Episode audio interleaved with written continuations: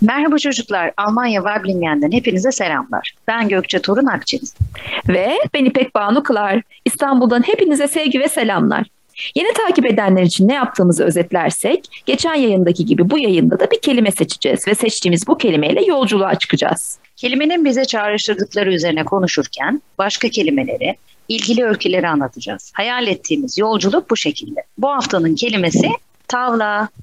Tavla özel bir platform üzerinde iki zar ve 15 siyah, 15 beyaz taşıyla oynanan iki kişilik bir oyundur.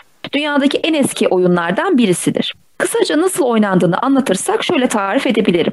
İki kişiyle oynanan bu oyunda kazanabilmek için hangi renk pullarla oynuyorsan kendi pullarını oyun tahtasının kendi tarafındaki bölümüne getirmen ve sonra bunları toplaman gerekiyor. Bunu da zar atarak yapıyorsun. Zarla gelen sayıya göre pullarını ilerletiyorsun.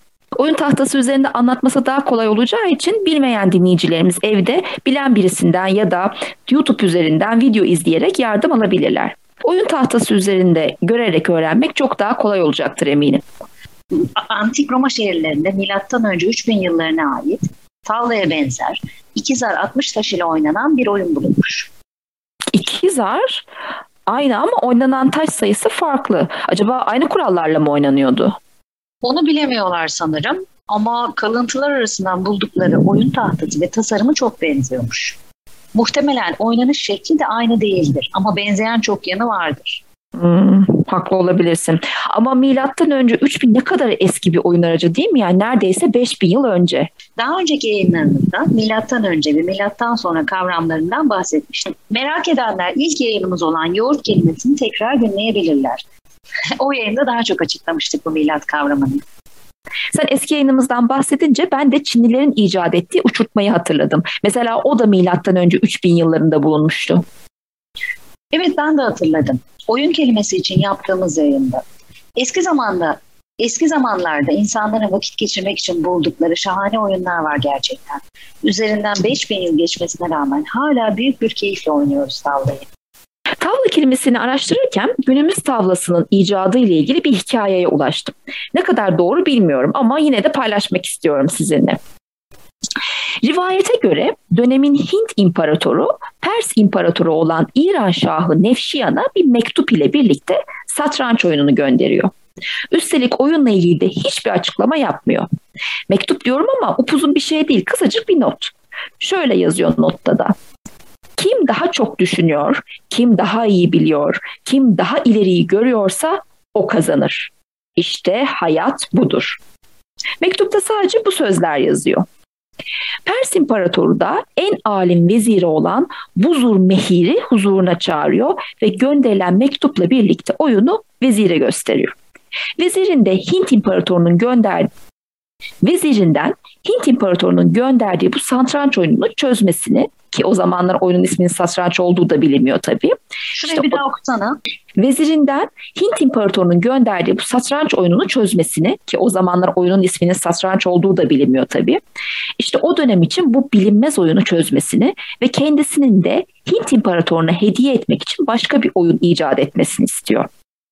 Vezir haftalarca çalıştıktan sonra gönderilen satranç oyununun her taş hareketini ve oyunun tamamını çözüyor. Daha sonra da 10 günde tavlayı icat ederek imparatoruna sunuyor. Pers İmparatoru çözülen oyunun nasıl oynandığını ve yeni icat ettiği tavla oyununu dinledikten sonra Hint İmparatoruna tavla ile birlikte şöyle bir mesaj gönderiyor. Evet, kim daha iyi düşünür, kim daha iyi bilir, kim daha ileriyi görüyorsa o kazanır. Ama biraz da şanstır. İşte hayat budur diyor. Biraz da şanstır. İşte hayat budur. Pers İmparatoru güzel söylemiş. Gerçekten de bazen hayatta sen elinden geleni yapmana rağmen şansa ihtiyacın olduğu zamanlar olur. Tavla oyunuyla ilişkilendirmesi de çok güzel olmuş. Tavla oyunu satranç kadar stratejik bir oyun değilmiş gibi geliyor bize ama taşların sayısı ve zar kombinasyonlarına göre yaklaşık 4500 civarı hamle ihtimali varmış. O 4500 hamle ihtimali gerçekten çok. Yani oyun pratiği, öngörü, taktik çok önemli. Tabii bir de işin şans kısmı var ki o da tamamen zarları kalmış. Ayrıca tavlanın hayatla daha doğrusu zamanla şöyle bir ilişkisi de varmış. Tavlayı tasarlarken bunu düşünerek tasarlamışlar zaten. Senenin birliği olarak Tavla bir tanedir. Yani oyun tahtası seneyi temsil ediyor. Ha, bir tahta bir sene demek yani. Dört köşesi dört mevsimi. Tavlanın içindeki bu karşılıklı altışar hane 12 ayı temsil ediyormuş. İki farklı renkte 15'er pul ise bir aydaki 15 gece ve gündüzü, karşılıklı 12 hane ise günün 24 saatini simgeliyormuş. Şimdi bizi dinleyenler gözlerinde canlandırabilirler mi bilmiyorum ama bu söylediğimizi bir tavla görseline bakarak ya da varsa gerçek tavlanıza bakarak dinlerseniz daha iyi anlayacaksınız kesinlikle. Yayından sonra birkaç görseli Instagram üzerinden paylaşacağım. Hı, süper. Tavlanın yani oyun tahtasının üzerindeki her çizgi düşünülmüş ve öyle tasarlanmış. Doğrusu ben çok etkilendim bu bilgiden. Ben, ben de çok etkilendim. İlk defa duyuyorum. Gerçekten yani çok güzelmiş. evet ben de yani ilk defa duydum çok şaşırdım. Ee, ben küçükken oynayanları izler ve ben de oynamak isterdim ama büyükler bana hep küçükler oynamaz bu oyunu sana göre değil gibi şeyler söylerlerdi oynatmazlardı. Hatta izlerken bile sıkıntı çıkarırlardı. Hadi sen git arkadaşlarınla oyna falan derlerdi. Evet eskiden öyle bir şey vardı. Çünkü eskiden kahve kültürü vardı ve bu oyun kahvelerde oynanıyordu. Yani aslında mesele tavla değil, tavlanın oynandığı kahvelerdi. Ama biz bunu ayırt edemeyecek kadar küçüktük. Bu arada kahveyi bilmeyenlere nasıl birer olduğunu tarif edelim. Ee, bahsettiğimiz kahve içecek değil tabii bir mekan. Kahve de içiliyor içinde ama günümüzdeki cadde üstündeki kafeler ya da modern kahveciler gibi değil. Küçük bir yerleşim yerinde yaşayan insanların işte zaman geçirmek için çay, kahve, orolet gibi şeyler içmek, masa başı oyunlar oynamak ve sohbet etmek için gittikleri yer. Bu masa başı oyunlar da tavla, kağıt oyunları ya da okey, hatta satranç gibi oyunlar. Evet zaten buraya kadar da kötü bir şey yok öyle değil mi? Kötü kısmı orada çokça sigara tüketilmesi ve yaşça büyük kimseler oraya gidip sohbet ettikleri için konuşmaların çocuklara uygun olmayan ciddi konular olması ya da kaba ya da çirkin olması gibi.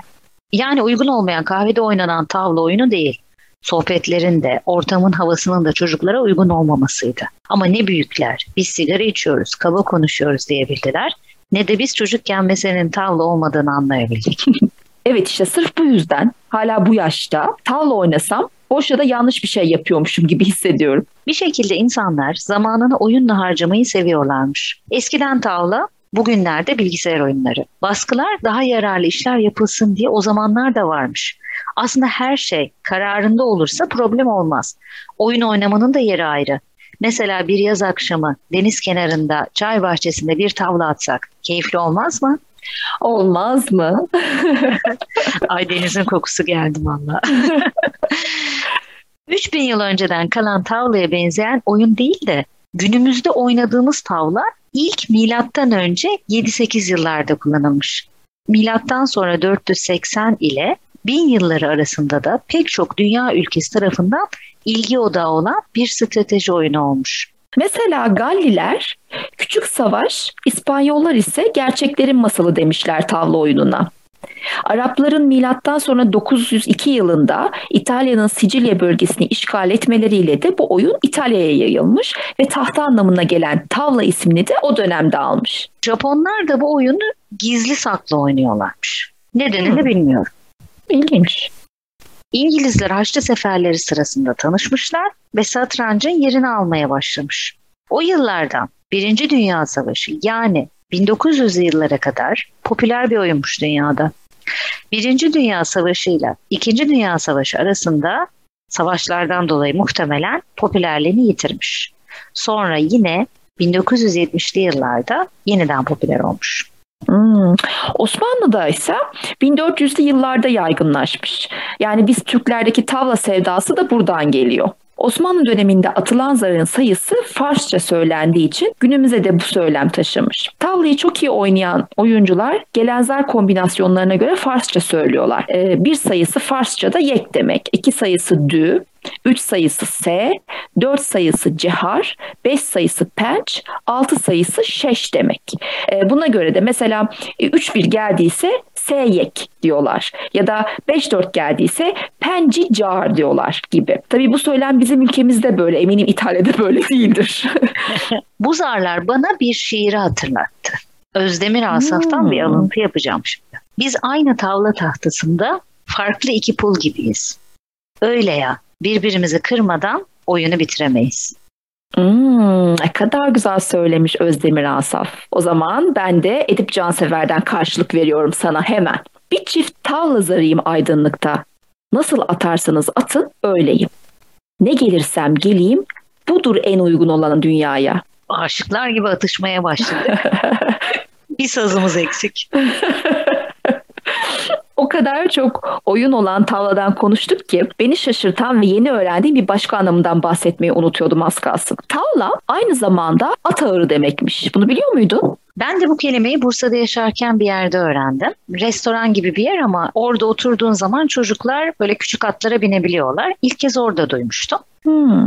Tavla atların ve onun gibi binek hayvanlarının tavlanması yani istirahat edip çalışacak kıvama gelmesi kuvvet kazanması için beslendiği yermiş. Hmm. Atların durduğu yer aslında.